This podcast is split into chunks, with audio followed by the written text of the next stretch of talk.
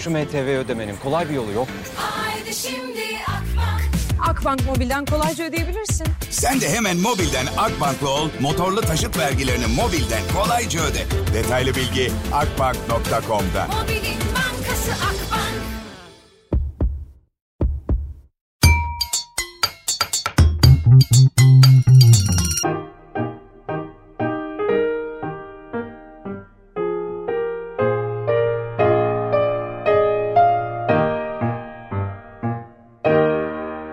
Merhaba ben Liyan.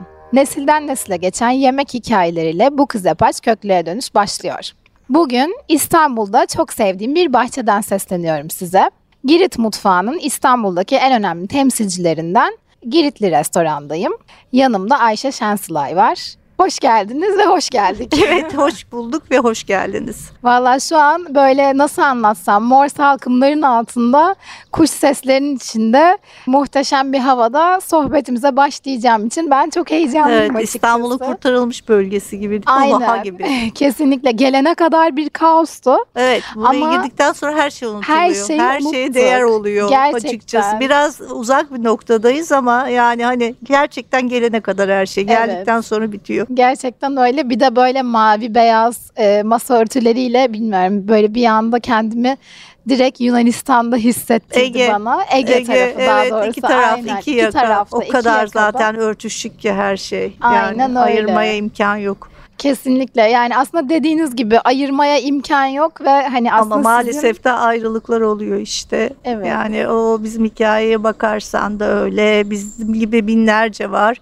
Hem bizim taraftan hem tabii ki karşı taraftan aynı acılı dramatik hikayelerle böyle oluşturulmuş bir tarih var maalesef. Zaten ben ilk size bunu sormak istiyordum. Çünkü biliyorum ki aile köklerinizin e, bir hikayesi de var. Evet. E, bu Evet. restorana da ilhamını veren ve sizin yolculuğa çıkartan.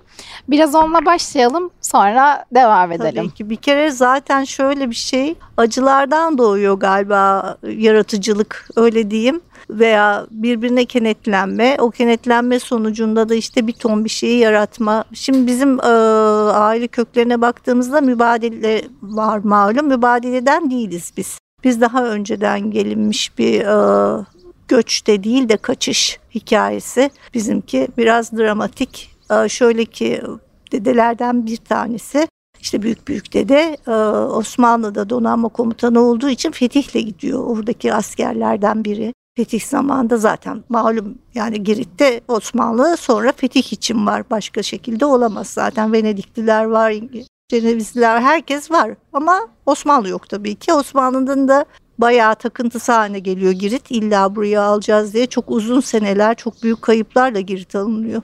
O dönemde işte dedelerimiz, büyük dedelerden biri gidiyor. Orada bir evlilik yapıyor.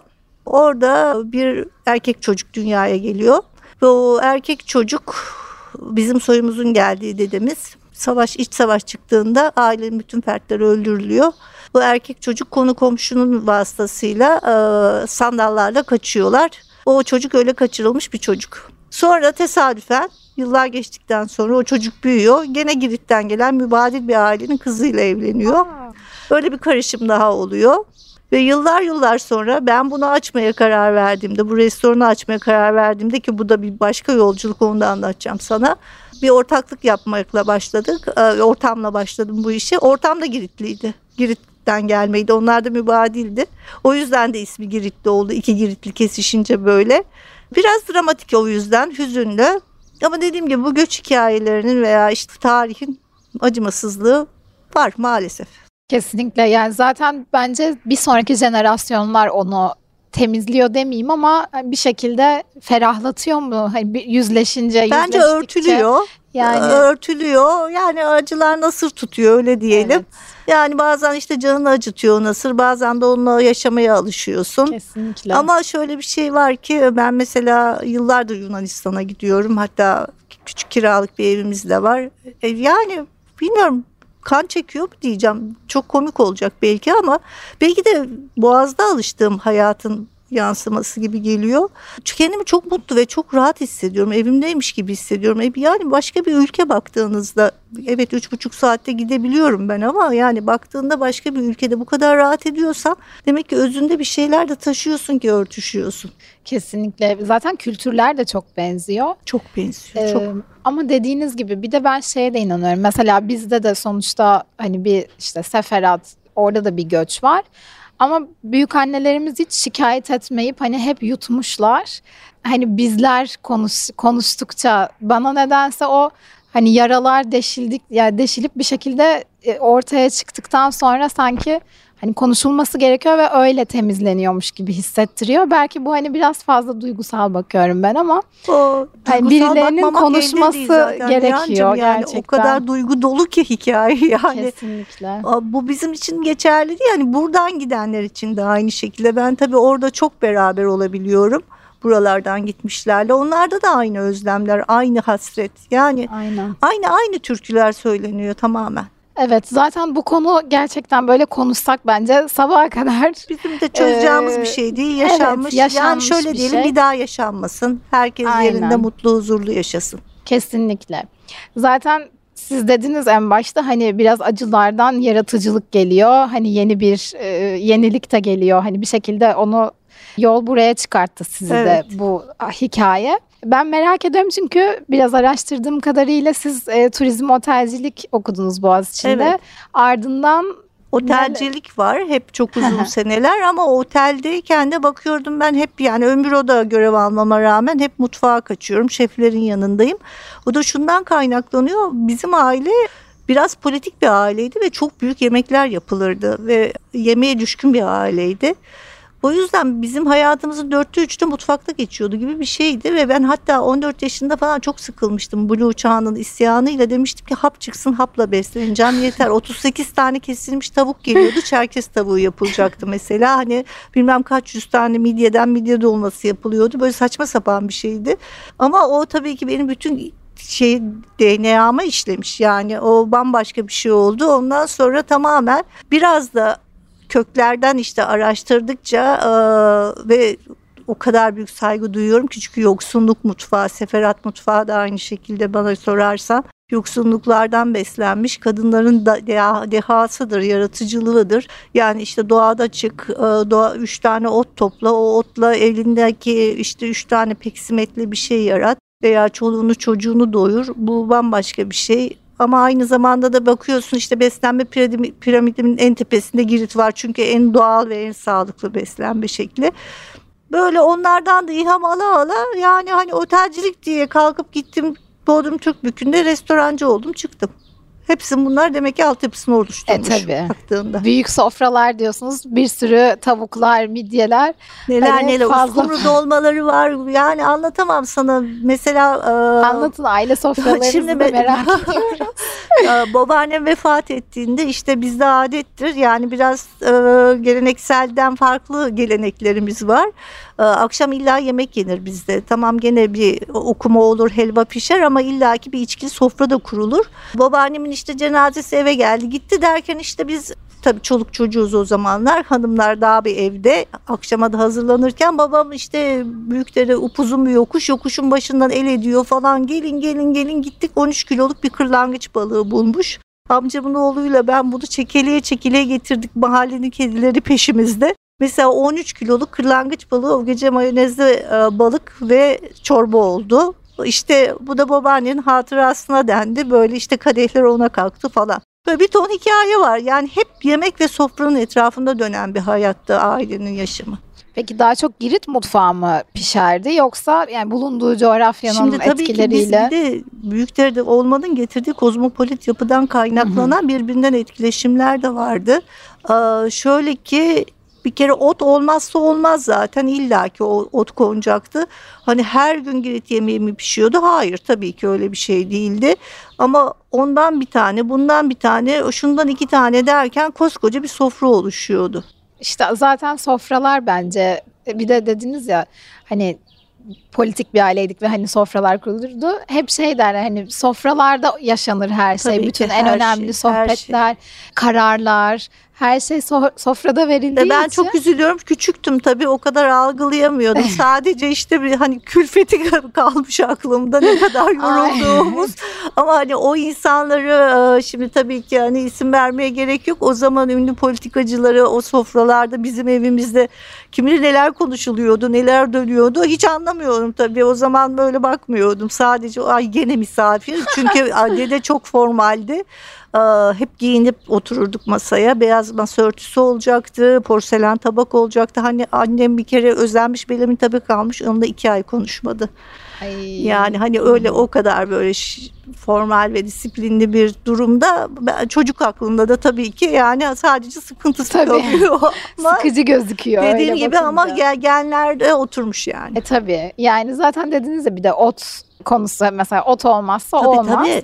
Şimdi ot deyince benim hatta bir deyim de var değil mi? Giritliyi bir giritli bir inek e, Tarlada. tarlada. İneği bırak kiritliyi kov. Aynen yani hani Girit mutfağı deyince akla hemen ot geliyor. Ama başka e, lezzetler de var aslında. çok var. Çok var. Biraz bize bu mutfağı e, tanıtabilir misiniz? Tabii Hem ki. Yani restoran, benim hem- haddime değil tabii ki. Daha bunun çok daha araştırmasını yapan insanlar var vardır muhakkak ki ama benim gözlemlediğim kadar az önce de söylediğim gibi biraz zaruretten doğan mutfakta var. Otların belki bu kadar yoğun kullanılmasının sebebi odur. Yani hemen elinin altında bulunması. Ee, adanın bereketi bambaşka. Zeytinlik, zeytin hep var. Mesela çok enteresan bir şey et yemekleri bile zeytinyağına pişer Girit'te veya Girit mutfağında bizde de öyleydi. Yani hani sade yağ veya tereyağı kullanılmazdı et yemeği pişirilirken. Margarin zaten hiç bilmiyoruz öyle bir şey asla yok. E, her evde zeytinyağı var kendi ağacından sıktığı. İşte doğada otu var, e, keçisi var, sağıyor sütü var, peyniri var. Yani bütün bunları mix yaptığı zaman bakıyorsun ki güzel zaten çok sağlıklı bir ton sonsuz alternatif bir şey çıkıyor. Girit mutfağının en büyük özelliği bana sorarsan sağlığı. Tamamen sağlık sa- sağlıkla alakalı bir mutfak. Yani o kadar iç içe geçmiş ki bambaşka başka mutfaklara bakıyorum. Ege'de de var ama mesela e, Girit yemeklerinde soğan kullanılmaz. Ege'deki etkileşimle tabii aynı yemekler var. Onda soğan kullanılıyor. Çok yalın. Yalın, lezzetli ve bir o kadar da sağlıklı. Evet ya daha çok sebze ve ot kullanımı. Sebze, ot, balık var. Deniz mahsulü çok var. Et var yukarıdaki Oğlak eti bölgelerde. de var Oğlak var, değil oğlak var, keçi var. Yani keçinin de oğlan büyüğü de yeniyor. Koyunlar var. Büyükbaş biraz az. Biraz dağlık olduğu için yukarıki kesimlerde. Mesela Giritli kasaplar da meşhur. Özellikle Osmanlı Türk diye bahsedeceğimiz grupta kasap etler de meşhur. Yunanlı bölümünde de var ama ben mesela Aleksandropoli'de işte yaşıyorum biraz biraz. Orada da Giritli hemşerilerim var. Yunanlı Giritliler onlar. Onlar da mesela sırf et yiyorlar. Tabii domuz var, e, dana var ama yoğun domuz var. Peki tatlılarda var mı böyle dikkatinizi çeken? Tatlılarda benim en sevdiğim şey lorlu baklava var. O böyle portakal çiçeği suyu da biraz koyarsan hele o şerbetine tadından yenmez olur. O için onu çok seviyorum. Hamur işleri çok güzel. O hamur işlerinde bence Yunanlılardan da etkilenmişler. Çünkü çöreklerimiz falan var ve peksimetler var tabii ki. Hep işte hep yoksunluktan dolayı kaynaklanan hep çift pişirmeli. Güzel güzel peksimetler var. Hatta birazdan sana peksimetli bir tarif de sunacağım. Evet mutlaka bu arada şimdi ben onu da gelecektim. Güzel bir tarifimiz olacak. Videoyu da izleyin evinizde yapabilirsiniz. Çok kolay. Çok, Hangi çok tarifi basit. yapıyorduk? Dakos'u yapacağız. Dakos diye geçen e, bir tarif bu. Dakos e, bir peksimet cinsi aslında. O peksimeti bulamazsanız etimekle bile olabilecek bir şey. Mühim olan tazeliği, ferahlığı. Şimdi tam mevsimi başlıyor yavaş yavaş bunlar. Zaten iki yemek de bu mevsimle veya işte önümüzdeki yaza dönük şeyler. Çok lezzetli, çok hafif şeyler ve çok besleyici şeyler bence de. Ya vallahi heyecanlıyım ben. Zaten video yayınlandığında podcast'ta eş zamanlı yayınlanacağı için dinlerken izleyebilirsiniz. İzledikten sonra dinleyebilirsiniz siz de. Biraz da tabii Girit mutfağından öte ben burayı da yani şu an içinde bulunduğumuz ortam gerçekten çok huzurlu yani bilmiyorum dinleyenlerden buraya gelenler var mıdır? Varsa e, beni anlayacaktır buranın ortamıyla ve yemekleri de ben hafızamda tabii bir iki senedir gelemiyorum pandemiden önce gelmiştim en son. Biraz bize Giritli'yi de anlatır mısınız? Girit'te de kendi içinde ayrı bir macera tabii. İşte daha önce dedim ya hani ben bir otelci serüvenim var, otelcilik e, yaşamım var. körfez kriziyle beraber otelciliğe bir ara vermiştim. İşte butikçilik falan filan bir şeyler yaptık hayatı devam ettirebilmek için. Ondan sonra eşimden ayrıldım. Sonra tekrar turizm popüler olmaya başlayınca hadi dedim ya gidelim şu otelcilik neymiş tekrar bir tadını alalım. Doyamadım çünkü çok istiyordum. Ben tek tercih yazmıştım zaten otelciliği de. Bunları söylediğim zaman bizim yaşımızda komik şeyler tabii. Yani böyle bir şey yoktu. Otel sayısı bile 5-6 taneydi. En büyük otel Sheraton'da işte açıldığında olay olmuştu. Bodrum'a otel kiralamaya gittim. Sonra oradaki işte lokal halkla pek anlaşamadık kira konusunda falan. Böyle üzgün üzgün otururken bu Girit'ti dediğim ortağımda daha önce beraber bir yerde bize hizmet vermişti. Tanışmıştık. Restoranı vardı. Ya dedi ne oldu işte hoş geldin beş gittin dedim ki böyle böyle bir şeyler yapmaya geldim ama bunlar böyle diyor. Ya dedi onu boş ver gel dedi bak şurada üstte dört odası olan aşağıda da restoranı olan bir yer var. Hadi gel bunu yapalım. Dedim ki ya ben restorancılık yapabilir miyim? Çünkü hani yemek yapmak bambaşka bir şey, işletme bambaşka bir şey. Ya yaparız ne olacak ben de varım falan filan dedi öyle başladım. Bu tabii 20 sene önce oluyor neredeyse. 26 sene, 27. 26. sene. Oo.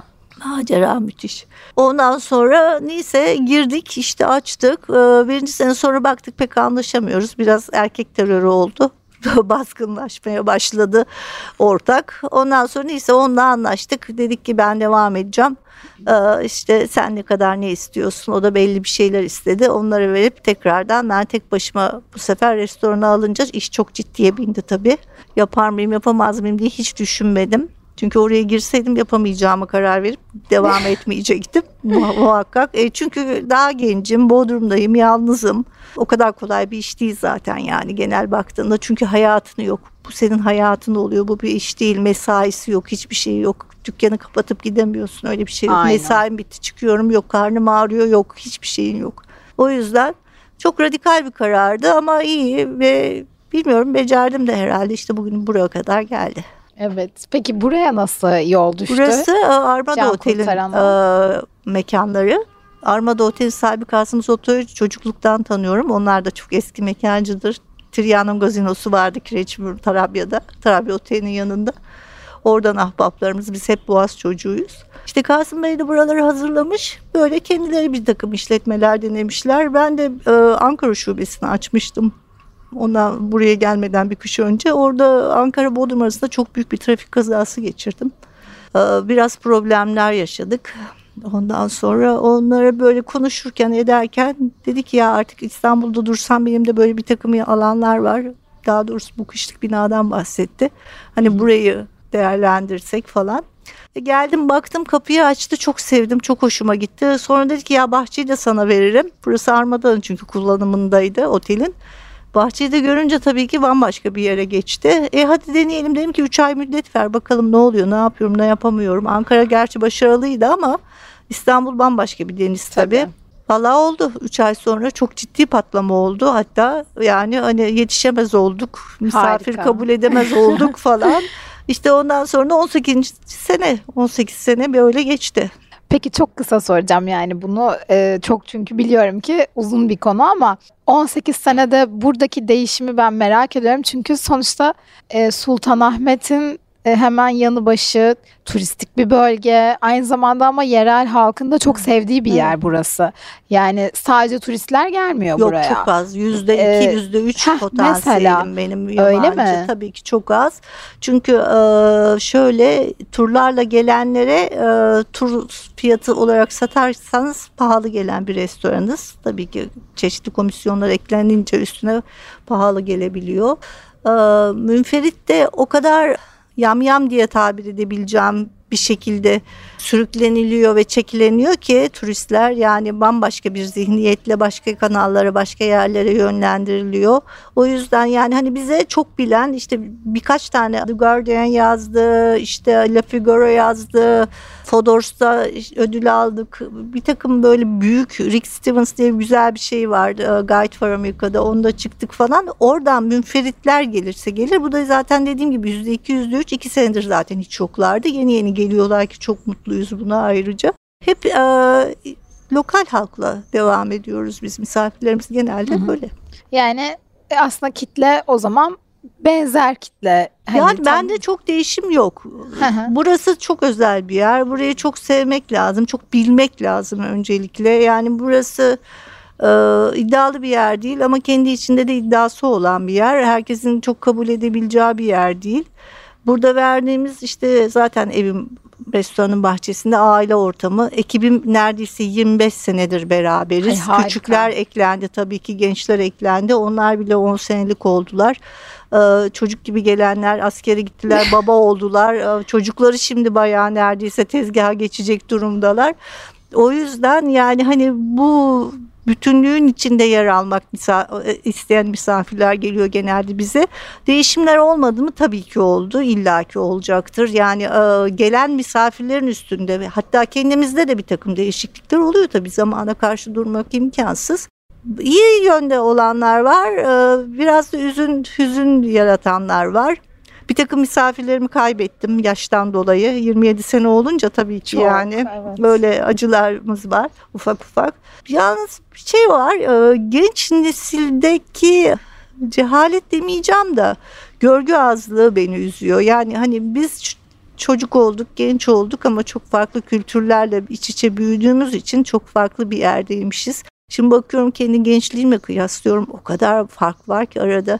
Bu aldığın terbiyeyle, tahsille, yaptığın eğitim derecesiyle hiç alakalı değil. Bu tamamen kökünden aldığın aile terbiyesiyle ve göreneklerle, geleneklerin bilgisiyle alakalı. Genel kültür dediğimiz şey. O biraz bitmeye başladı maalesef. Ne güzel doğru söylüyorsunuz. Mesela ben Evet. inatla masaya tarama koyuyorum hala. Taramanın tesisini bilmiyorlar. Bilmiyorlar Tabii değil mi? havuçlu meze ama havuç niye kokuyor diyorlar. Taratoru cevizden yapıyorum bu niye mor diyorlar. İnanmıyorum. Tabii. Bu da galiba gerçeğimiz. Bu da bir misyon Yani olacak. İşte evet. öğretiyoruz. Aynen. hani bir şekilde doğruyu anlatmadıkça da doğruyu öğrenmek Yok çok mücadele zor. etmezsen Evet, tamamen evet. kalkıp Çünkü- gidecek yok Liyancığım Evet. elimizden kaçacak yoksa Aynen. yani salçalı suda üç tane fasulye tanesiyle işte masanın Meze üstünde koyulacak. göbek atıp işte Aynen. yeni nesil meyhane kavramıyla beraber bu bu olmamalı. Evet. Çünkü gerçekten derin bir meyhane kültürü var. Bizim değil ki bu. Doğru. Dünyaya mal olmuş, bir ton kültüre mal olmuş bir şey. Bu kadar yani nankörlük yapamayız, imkan yok. Ben yaşadığım müddetçe Evet. yapmayacağım en Yani azından. o kültür çok değişiyor şu an. Yeni nesil meyhane konseptiyle. Kabul edilebilir bir şey değil. Yeni nesil ne Evet. demek zaten Yani, yani. hem öyle hem de mesela ben şeye gitmiştim. E, belki biliyorsunuz Ara Meyhane Kurtuluş'ta. evet evet. Ee, Onlara düğün yaptım Evet. hatta. Aa, öyle mi? Tabii işte, Sevan'a. ya işte Ara Baba Aha. şey demişti. Şimdi diyor işte yoğurda dereotu koyuyorlar haydari oluyor. Ha, Salatalık koyuyorlar kuru cacık oluyor. İşte hani yoğurtla her şeye meze deniliyor. Evet, evet. Halbuki meze e, o demek değil demişti. Tabii ki arkasında Doğru kültürel yani, birikim aynen. var. Her mezenin Aynen. hikayesi Haydari. olmalı yani bence. Haydari da muhteşem bir şeydir. Mesela Evet. bütün tereyağı eriyecek gayet güzel. O yoğurtla çırpılacak, kuru nane yakılacak falan filan. Bunlar hiç tabii ki yok yani. Aynen yani işte o da demişti haydari isteyen işte lere yok haydari işte hani sinirleniyorum demişti böyle kendince. E, hep onu hatırlıyorum bazen. Şimdi şöyle yani. bir şey ben 27. sene olduğu için yani e, kendi müşteri kitlemi yaratmışım zaten. Hani Tabii. bundan çok anlamayan insan gelirse de popülerlikten kaynaklanan bir merakla tabii gelişler oluyor olmuyor değil. Ama en azından şey yapma lüksüm var. E, biz böyleyiz. Aynen. Onu deme lüksüm var. Evet. Uyacaksan sen uy. Yani aslında haklısınız. Ee, ne güzel bence ki hani senelerle oturmuş bir şey var, e, bir düzen var ve e, biz böyleyiz diyebilecek de Lüksüm bir lüks var. olması Ama çok çok, değerli. samimi sana bir şey söyleyeyim mi Giyancığım?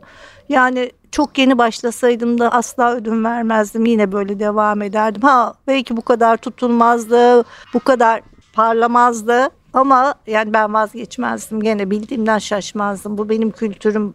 Yani bütün aileme, geçmişime hakaret ve ihanet olur. Yani sizi dinlemek bana çok ilham verdi gerçekten. Artık hani buraya geldiğimde de bilmiyorum dinleyenler için de bence geçerli olacak. Ee, hani sizi biraz daha yakından tanımış olmak e, buraya bakış açımı ve hani biraz daha derinini görmemi sağladı. O yüzden teşekkür Ben ederim. çok teşekkür ederim Ee, senin çok- gösterdiğin ilgiye. Teşekkürler. Yani umarım dinleyen herkes de çok keyif almıştır. Teşekkür ederiz. Bu kadar gençsin ve iyi ki varsın. Ya, ne kadar güzel bir şey yapıyorsun. Bence çok önemli bir şey yapıyorsun gerçekten. Çok teşekkür ederim. Valla Ben utandım. teşekkür ediyorum sana. Dinleyen herkes umarım keyif almıştır. Aklına fikrine sağlık. Teşekkür ederiz. Sizin de ellerinize sağlık. İyi ki varsınız. Sonra da afiyet olsun diyeceğim. Evet zaten. afiyet olsun geliyor. Sizi videoya doğru alalım o zaman izlemediyseniz. İyi seyirler.